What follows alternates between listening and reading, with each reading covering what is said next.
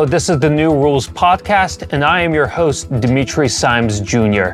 Last Saturday, Hamas shocked the world by launching a surprise attack into southern Israel, accompanied by missile attacks on Tel Aviv. We're recording this episode on Tuesday, October 10th, and the dust has still not settled. Many basic questions remain unanswered. Why did this crisis erupt? How was Hamas able to catch Israel supposedly completely off guard?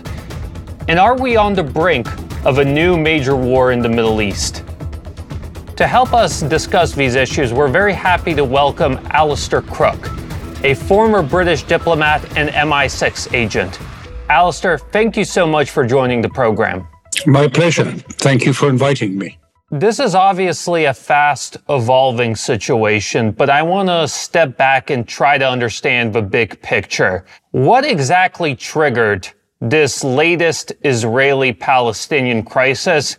And what was Hamas's motivation behind trying to launch its surprise attack? Okay, well, I have to go back a little bit and say, put it into the context. And it's a context that I think is not really very well understood outside of the region. Um, and that context is that the Israeli politics have been completely divided. They are, if you like, they're in two parts. They're almost equally weighty movements um, that are opposed to one another in Israeli politics at the moment and are struggling. But the point is, they don't share a single a vision about the future. They don't have a vision about history. And more importantly, they disagree fundamentally on what it is to be uh, Jewish. More particularly, one side is Mizrahi, and the other side is largely Ashkenazi, liberal, secular uh, forms. The, it was quite astonishing. I was really struck when seeing suddenly the Mizrahi. For your audience, I should say the Mizrahi are the Oriental um, Jews who come from um, the Arab world and from North Africa. And the Ashkenazi are mostly the Europeans. And it was extraordinary because the Mizrahi have always been the underclass, the elements that have been put down in, in Israeli society. And they turned the tables and were now in office and in power and intent on taking forward their project. And they are part of Netanyahu's government. They are sit in cabinet and they have ministers. And they have two basic key commitments that affect us and affect what's happening at the moment. Uh, one is they intend to build the third temple on Temple Mount. Now, um, in, in doing this, they have a, a broad commitment to do this from the government as a whole. But let me just be clear, to be absolutely clear in order to build the third temple on the Temple Mount, Haram al Sharif, that means demolishing Al Aqsa, the third holiest site in Islam and a very important icon to all Muslims, Sunni and Shia. It means demolishing it in order for the temple to be rebuilt. But this is what the government is committed to doing in due course. The second commitment is to create Israel on the land of Israel.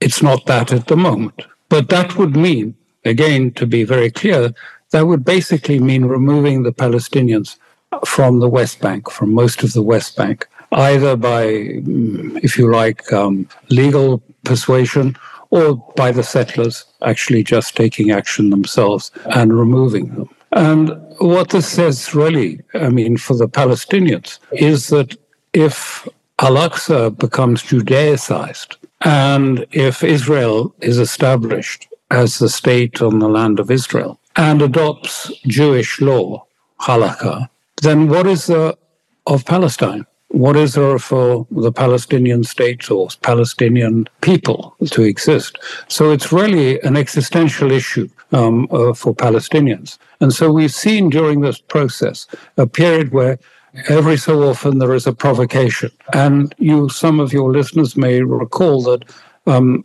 some two years ago, similarly, there was uh, the settlers invaded the Temple Mount and Al Aqsa Mosque and took it over. And the reaction was very harsh from Hamas, who fired many missiles into Tel Aviv and into the surrounding areas. And there was the beginning of something that was unparalleled. Because it was Al Aqsa, also what we call the, the Palestinians of Israel, the Palestinians who are in Israel and Israeli citizens, as well as the West Bank, all of them rose up together and it was for the first time we've seen a, a, concerted, if you like, action. And it was not for Palestine, it was not for Hamas, it was about saving Al Aqsa. And this is, a, a, if you like, it's an icon that resonates across um, the Middle East and is resonating now with demonstrations and meetings and huge mass mobilizations um, in support uh, of Al-Aqsa. And then what happened was what triggered it, because this has been a process that has been going on and it was expected there will be more provocations. And then last Thursday, don't forget the, the action took place on Saturday. On Thursday, uh, a large number of settlers invaded, again invaded Temple Mount and Al-Aqsa Mosque with the connivance and with the support of the security forces. They went on and took it. And that, I think, was probably the sort of, if not the motive, because you know, it's been a recurring series of provocations, but this was the pretext to launch what Hamas had been preparing and which had planned. And then we had the invasion of Al Aqsa Mosque. And that, I think, was the signal to say, okay, it's game on. So, I mean, this is really interesting. So, even though the operation itself was launched from the territory of Gaza, the area in question, the area that is the source of detention, is the West Bank. The, the area that is the source of detention is Old Jerusalem and the site of the Temple Mount, which is both um, revered both by the Jews as the site of their first two temples, and is also the site, if you like, the most holy mosque um, uh, for the uh, uh, for the Muslim world. Um, and the Temple Mount is uh, off limits um, to for non for non Muslims to enter the actual the the if you like Al-Aqsa, the mosque itself, and to pray there. Only Muslims can do that. But at the moment, the security forces are allowing radical settlers and Ben Gvir, who's the Minister for Security, has been very adamant in saying, This is ours. The Temple Mount is ours. And a few weeks ago, the entire cabinet of Netanyahu, the complete cabinet, went and held their cabinet meeting in the tunnels immediately below Al Aqsa Mosque, in the tunnels underneath the mosque itself, and said, This is ours. It's our property. We control it. And so this was seen as a huge threat to Muslims everywhere, um, but particularly a cause which around which Hamas is rallying people in the West Bank and in, if you like, uh, um, the the Israeli Palestinians as well as the rest of the world. And as I say, there are enormous protests taking place, not only just because of that, but because of the bombing that's taking place in Gaza at the moment. And earlier this year, former Israeli Defense Minister Moshe uh, Yaalon said that the radicals within the Israeli government wanted a big war in the Middle East. You know, since we've been talking about the two different factions in Israeli society, who are exactly these radicals and why do they want a big war? Well, the radicals are, are, are a coalition and they in, involve um, First of all, um, if you like, the radical settler uh, and the national religious groups um, together in a, in a broad coalition. Um, and as I say, they uh, are committed, the settler groups are committed to taking and um, building and, uh, if you like, populating the West Bank with another 1 million settlers which would leave little room for the Palestinians. And already there's been clearance. The settlers, with um, threats and violence, have removed um, Palestinians from a large swathe of area from Ramallah through to Jericho. Uh, and expel them from, from, from their land. So, what all this is amounts to is really um, you know, from the perspective of the Palestinians, what Ben Gvir and the, what is called the Temple Mount movement are planning uh, is uh, something that resembles the the Nakba day. That was a great day of shame for for Palestinians when they were cleansed um, from their homes and their villages and put into trains and sent off to to um, uh, to Syria and other places to go into refugee camps. So it was a very it was for for for for them it was a very um, it's a very powerful, very emotive um, um, prospect. Now, in order to do it, in order to do it, they need to do two things. And they said this even 10 years ago, the right people. And it goes back even further. The, the, the right uh, said, I remember that the man who's now the justice minister was saying, look, we were going to do this step by step. But the first thing is we have to get rid of the Supreme Court so which would otherwise impede us.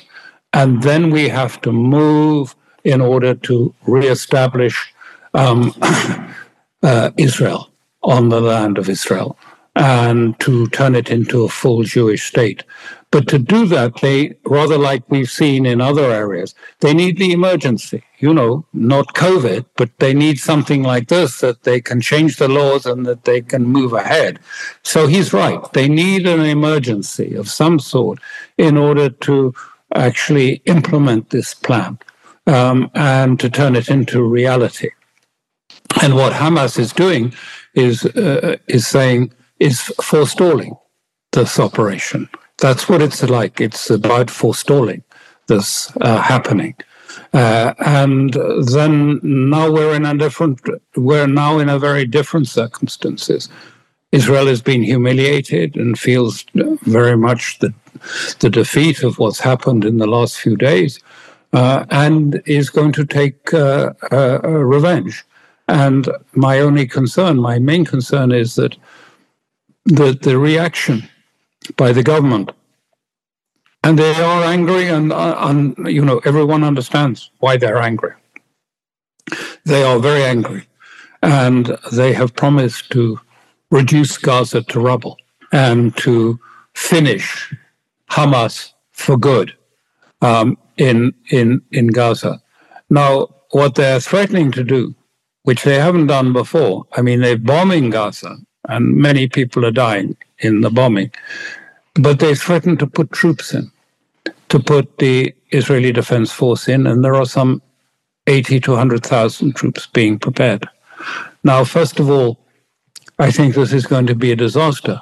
But the second thing is this escalation crosses the red line of Hezbollah in the north. And they said if there is a if there is an invasion of Gaza by Israel, then they will, if you like, trigger the next front. They will open the next front, i.e., the Lebanese Hezbollah front, into this conflict. And as things stand, because already the northern area is heating up, it's there've been exchanges.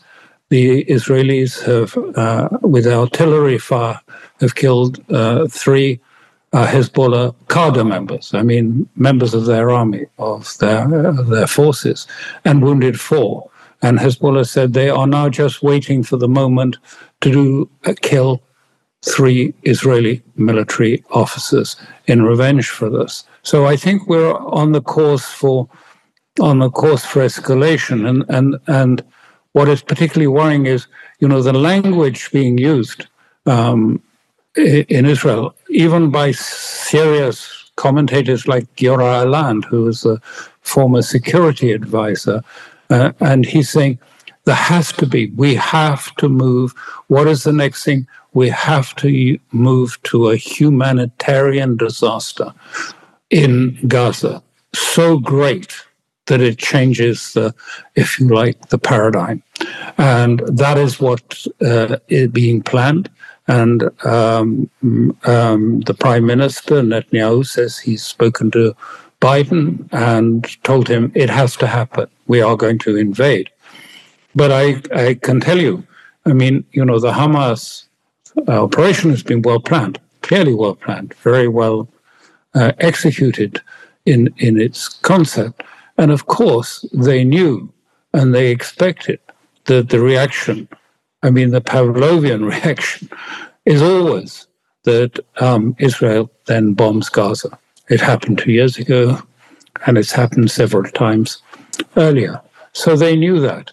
And so, uh, what do we expect? Well, if the troops do go into Gaza, uh, and I was in, uh, I was during the first Intifada, I was in Nablus and in Jenin, and I saw this. I mean, this is the most difficult.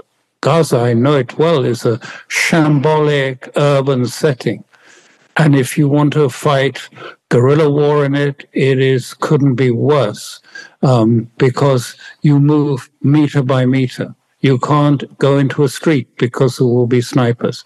You have to watch out going into any house that there isn't a, a booby trap. You have to move by breaking through the walls of one house to the next to the next. I mean, that's the sort of fighting. They could be there a very long time, I think. Yeah, and I mean, I think that the recent battles for Bakhmut and Mariupol are testaments to that. Urban warfare is extraordinarily difficult.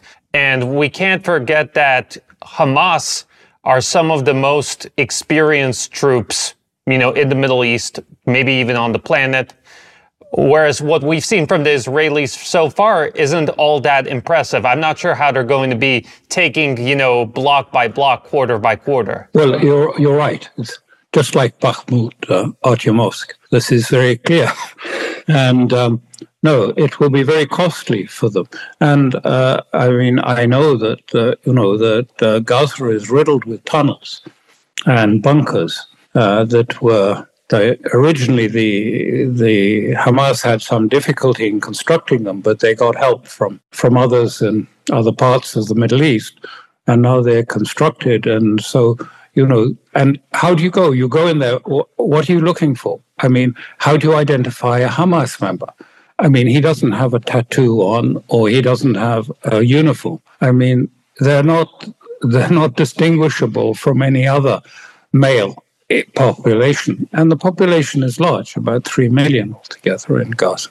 I'm guessing that you know what the Israelis might be banking on is that they have such overwhelming air force superiority that they can just level all the buildings in Gaza to the ground and hopefully move in troops there. But I'm not sure to what extent that's a viable strategy as well, because even when you fight in the rubble, urban warfare is very difficult well, I mean, this is what they're doing.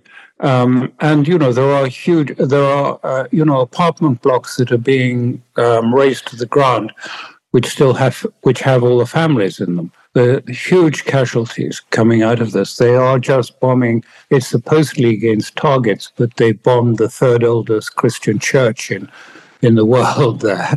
So it wasn't such a very obvious military target. Um, but they're also bombing and collapsing, just as they did in Beirut in 2006 in the Dahi area. They're just collapsing these buildings, uh, often on the people and the population. And of course, I mean, this is the, the, the visuals of this. The television is broadcast around the Arab world, and it's stirring huge protests and anger and movements. And so, you know, how how long are they going to do this for? How long are they going to continue? And what happens if they insert troops and then Hezbollah enters the war? I just saw before coming on this program that uh, Hamas have told the residents of Ashkelon, which is a, an Israeli city, um, to evacuate it. Now I don't know what they're intending, but the uh, Hamas forces have not been all eliminated. They're still present in some parts some parts of, of the territory. Um, but clearly, I mean, I think everything points to, I mean, at the moment, unless someone can pull it back, we're on an escalatory uh, uh, pathway.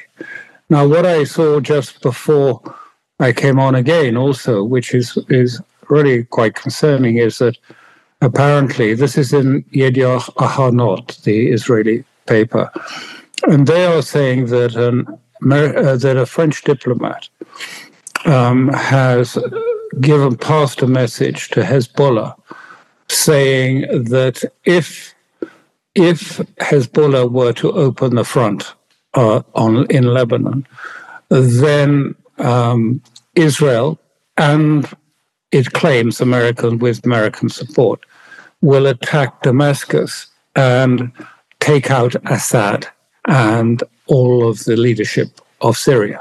And it suggests that the aircraft carrier group that has been sent there uh, would be in a position to take out um, the leadership of Syria.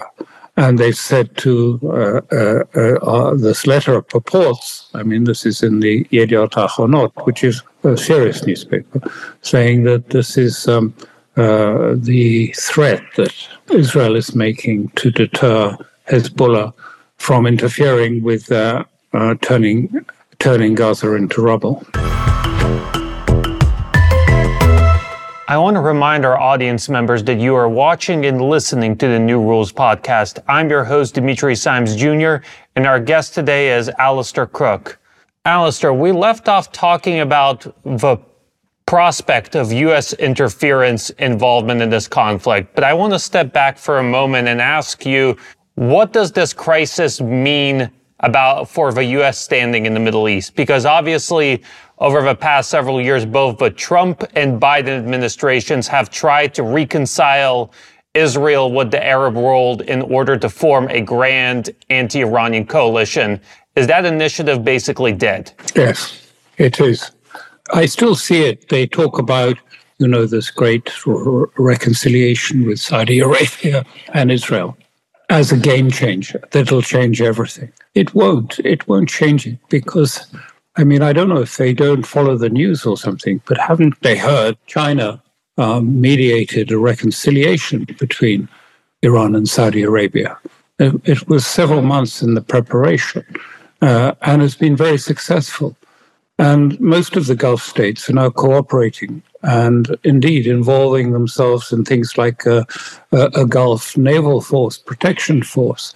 Um, and uh, the whole uh, Saudi Arabia is a is a candidate member for the Shanghai Cooperation Organization and has just joined the BRICS, of which Iran is a member of both those organizations, and they only uh, uh, became that because of the support of Iran for for for that. So the idea that the Gulf is you know, that has already been moving towards the heartland and towards the, if you like, the new um, uh, model of uh, of Asia, the the development of Asia, and are very excited about the economic prospects, um, will suddenly um, come to form an anti-Iranian uh, alliance. I think is quite improbable.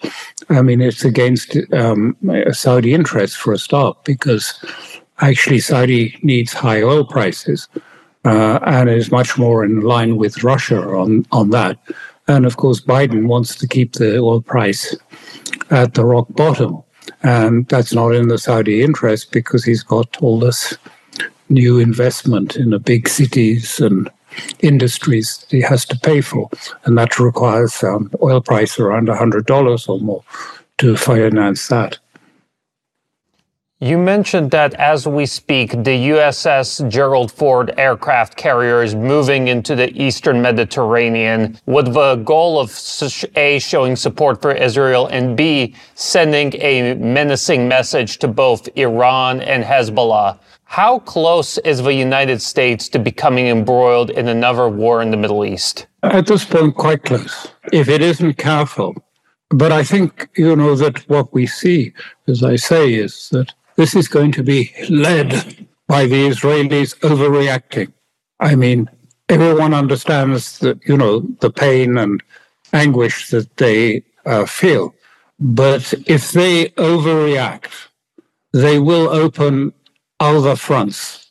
And in opening other fronts, they could put themselves at existential risk. And I don't know how clear that is in the White House and to the team. But that is the, the risk that we're in. I mean, this language of calling um, Hamas animals and uh, fine, you know, this is the stuff that you see on television and everything like this. But, you know, the defense minister, the president, And the prime minister shouldn't be using languages which says that Hamas are not humans. They're somehow inhuman. And therefore, what happens to them doesn't matter.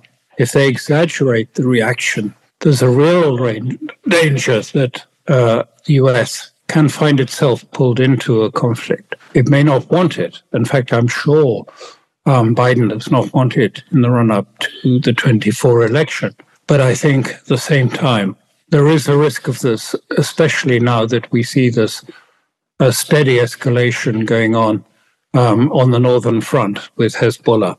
Uh, and that will determine, I think, greatly whether whether this will happen. But if they go ahead and put 100,000 troops into Gaza, then anything is possible. And I guess what sort of calculus do you think would drive Hezbollah's decision to intervene or not? Because I think that's the million dollar question right now for everyone. Because so far, Hezbollah has issued warnings, but they haven't, you know, beyond the sort of reports of artillery fire, there hasn't been any sort of direct military intervention.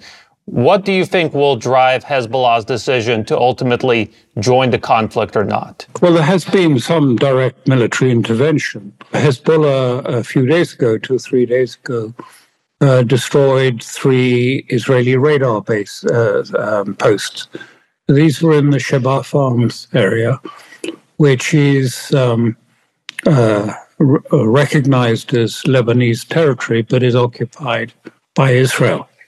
There was an Israeli response, and now we've moved to a response by Hezbollah that ended up um, uh, with firing on bases, military bases inside Israel, and with the reaction of Israel to killing three of the Hezbollah cadres.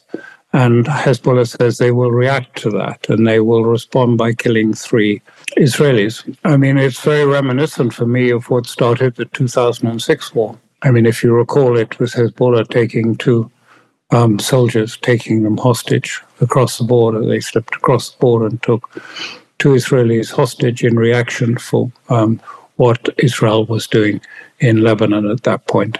So it's it's quite uh, sort of similar, and um, Hezbollah has said very clearly. I mean, Hassan Nasrallah has said if Israel goes into Gaza militarily, then we will open a front, the next front. I mean, most people, including I, interpret that as uh, quite a clear red line. I want to play devil's advocate for a moment because before the show, we had an opportunity to interview some former Israeli military and intelligence officers, and they basically made the following argument. Yes, we were caught off guard by Hamas over the past weekend, and we didn't show ourselves in the best light. But still, at the end of the day, we are the best military in the Middle East, and we are more than capable of taking on both Hamas and Hezbollah. We have the best technology, the best hardware, the best everything. Are they wrong?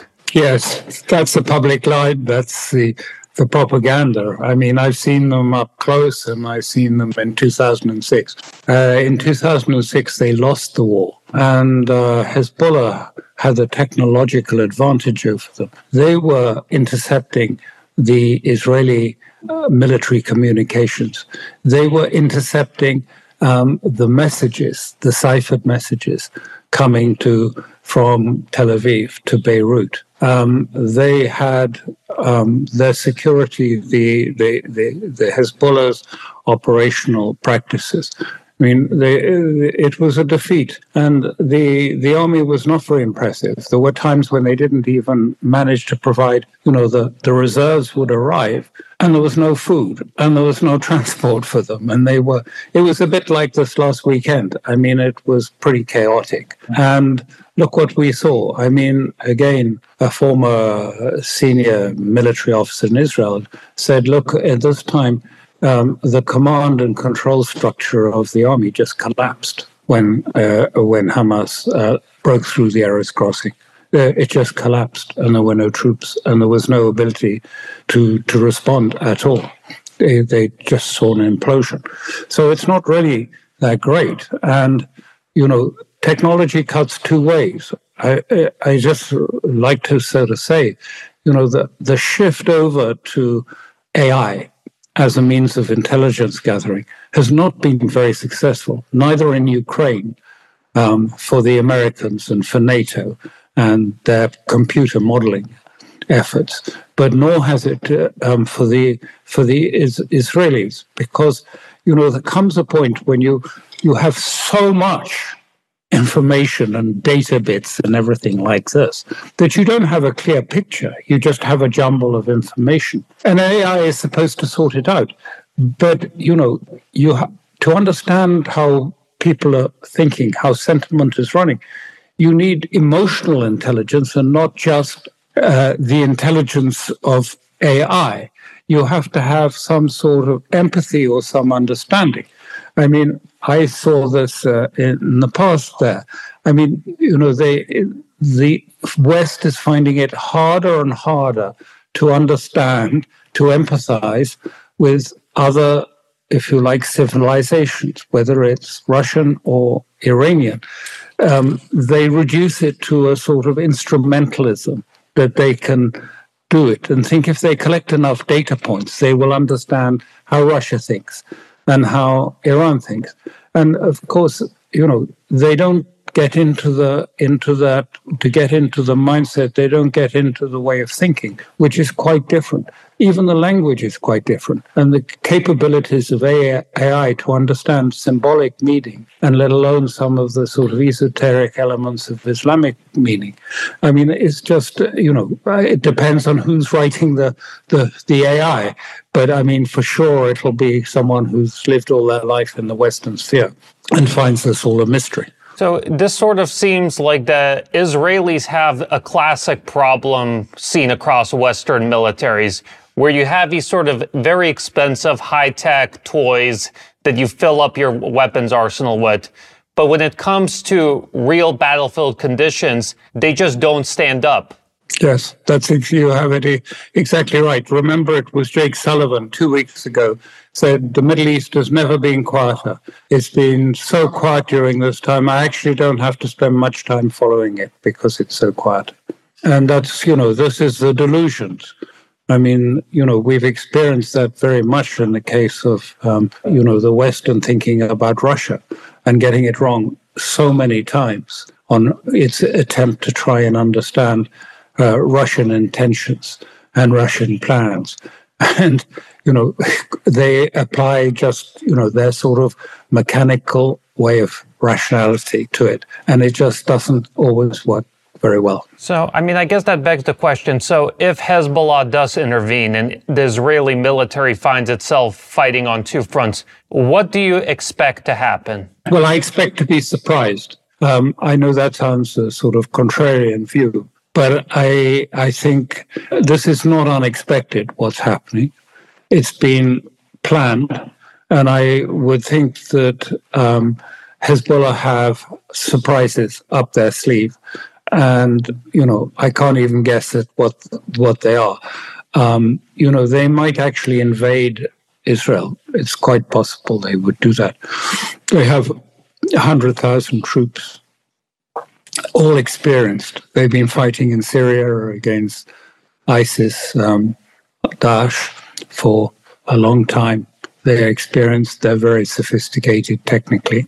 I don't know what they do. I mean, look, even little Hamas sort of flew in its um, its people on um, hang gliders across the, the fence, which I think took everyone, including me, by surprise. And I'm sure Hezbollah have got creative ideas as well. And you know, if you know the Israel ends up finding itself on the ropes where it's facing a tough fight from Hezbollah from the north, from Hamas to the south, what sort of position does that leave the United States in? The United States does not want war with Iran because it knows that if it starts a war with Iran, it would could imperil the existence of Israel. I mean, that's putting it very straightforwardly.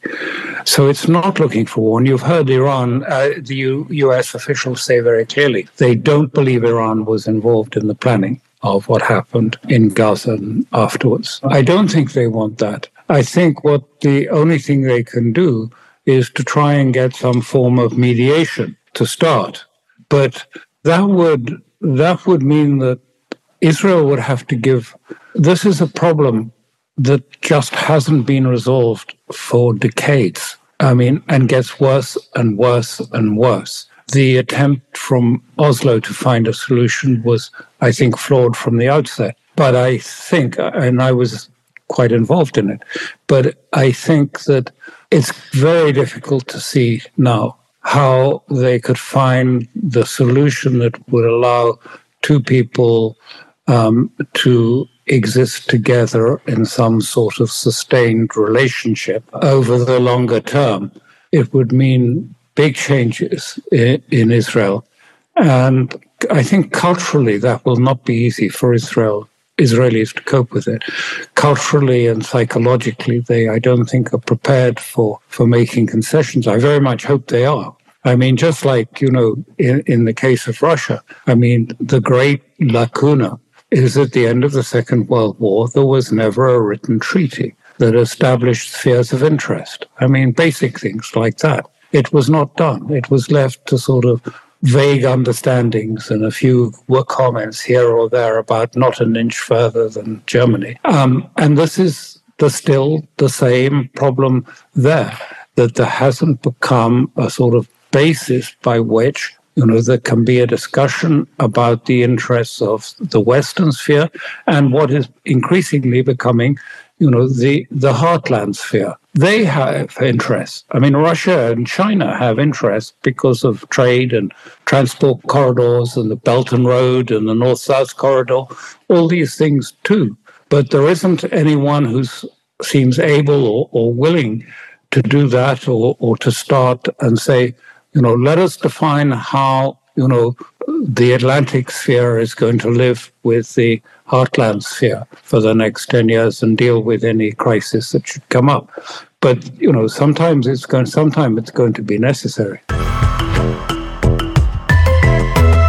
I want to remind our audience members that you are watching and listening to the New Rules podcast. I'm your host, Dimitri Simes Jr., and our guest today is Alastair Crooke. Alastair, I think it's fair to say that the timing of this crisis could not be worse for the Biden administration because we're four months into a Ukrainian counteroffensive that I think has disappointed everyone in the West. We're at a juncture point where people in Congress are locking horns over the future of Ukraine funding. And now you have this explosion in a part of the world that many Americans consider to be more strategically important than Ukraine. So my question is this. How does the Israeli Hamas crisis impact NATO's proxy war in Ukraine? I mean, in some sense, you you you put it very mildly, but I think you know the uh, offensive is so clearly failed, failed in all sorts of senses. But now um, Ukraine is in a position where it doesn't have men, it doesn't have ammunition, it doesn't have money, um, and above all, it doesn't have the sort of will to go on with the war. I mean, its its manpower has been decimated during this offensive. It has achieved nothing. So, in some ways, you could say that this could be a way out for America. That while every, you know, the attention is turned to um, to what's happening in, in Israel, this would be an ideal moment for them to just quietly, you know, move away, back off Ukraine and concentrate on Israel and China. Whether they will do that because at the same time what's happened in Israel seems to have stirred up a great sort of head of steam under the under the neocons and, and the war hawks. I mean, generally, not just about you know, not just about Israel, but they're now looking at Iran and against you know all the security threats that America is in, in facing, including Ukraine. So, I mean, it depends about how much power the the the and how much sort of um, zest there is given to the sort of Lindsey Grahams and the others to sort of um, say, you know, no, well, we mustn't leave Ukraine out. But I mean, I, in another way of looking at it, it would be the ideal moment for for for the United States to cut its losses in Ukraine, get out, uh, and let the uh, let Moscow sort out the next stages of it, and and find uh, some sort of um, uh, new government. It needs a new government. It won't. It's not possible to do it with um, the existing Kiev government as far as uh, Russia is concerned. They cannot deal with the ultra nationalist group there because the ultra nationalists don't accept Russians as really anything other than um, Asians and and as such really not even human. And, and they say that, and that you can see that in the in, in the statements by people like Danilov, the, the National Security Secretary. I was born and raised in the Washington D.C. area, so I'm pretty familiar with the U.S. foreign policy establishment. And the one thing I can definitively say about them is that above all else, they think about prestige and status and I'm just, I remember how people were horrified by the fall of Kabul because it was this sort of vivid picture of, you know, bearded men with AK-47 and sandals chasing out supposedly the most powerful military in the world. And that's why I'm inclined to think that both on Israel and Palestine and on Russia, Ukraine, even though the risks of escalation are very great, they will double down because they can't bear the idea of being humiliated by Russia and especially by Hamas. Of course, there's going to be a read across. Just as the rest of the world has seen NATO humiliated and its doctrines exposed as hollow, and even its vaunted technological weapons not performing very well on the field and ending up as burnt out hulks. I mean, you know, what they've now seen is the sort of greatest military power of the of the Middle East, the technological um, leader of, of the, you know, whose technology is the greatest, you know, completely collapse in front of a small group uh, of Hamas managing coming out of their concentration camp and, and attacking uh, attacking the army and the army was nowhere to be seen. And in fact many of them were taken hostage. Many senior senior Israelis are now hostage. I mean the hostage issue is going to be a problematical one. I think they've got a number of ones including a major general and senior officers. Hamas have those as hostages now. So I mean don't you think that under those circumstances given you know, the enormous reputational losses that are at play here, don't you think that the United States will potentially choose to escalate, even given all the risks involved? I think what you say is very possible and very and even probable because I think that there is still, you know, this delusion of exceptionality that exists in the West. And I'm talking not about just America, but in Europe as well, that somehow you know, we have the best army, we have the best equipment, we are technologically, these people are backwards compared with us. And they're finding out that that is not true. But if they if they decide to double down in terms of a delusion, rather as it seems that Netanyahu may double down, thinking that um, that um, by reducing Gaza to rubble, is going to provide him with the victory that he's looking for to restore his reputation.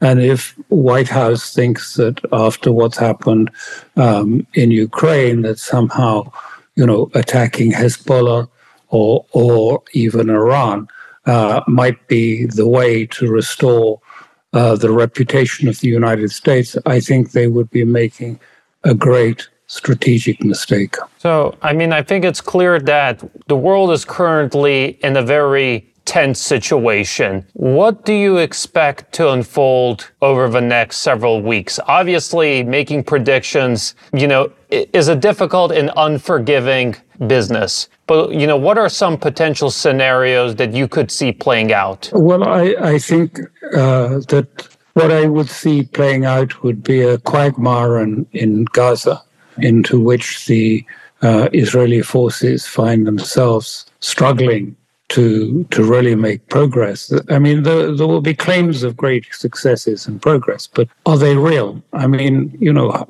do they really have all that intelligence on Hamas? I mean, it seems perhaps they they don't. Um, and I think that that is one aspect, and I think that um, we need to watch very carefully uh, what happens in uh, with Hezbollah in the north.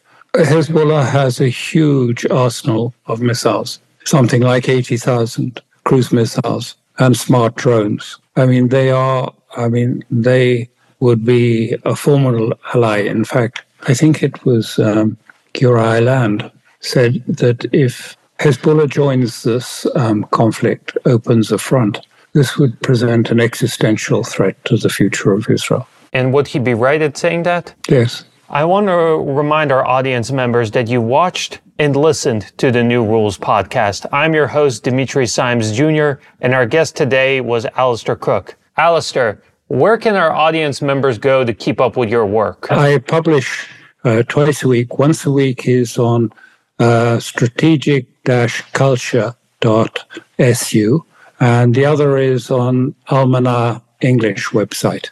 Maybe the latter is not so easy for your listeners to access. But once a week, I, I, I write on that, the Almanar site. And if you want to keep up with our content, the very first thing you should do is like this video and subscribe to our Rumble channel. It really helps us get our message out to a broader public. Additionally, we'll have the links to all of our social media and all of our resources in the description below. Thank you so much for tuning in. Till next time.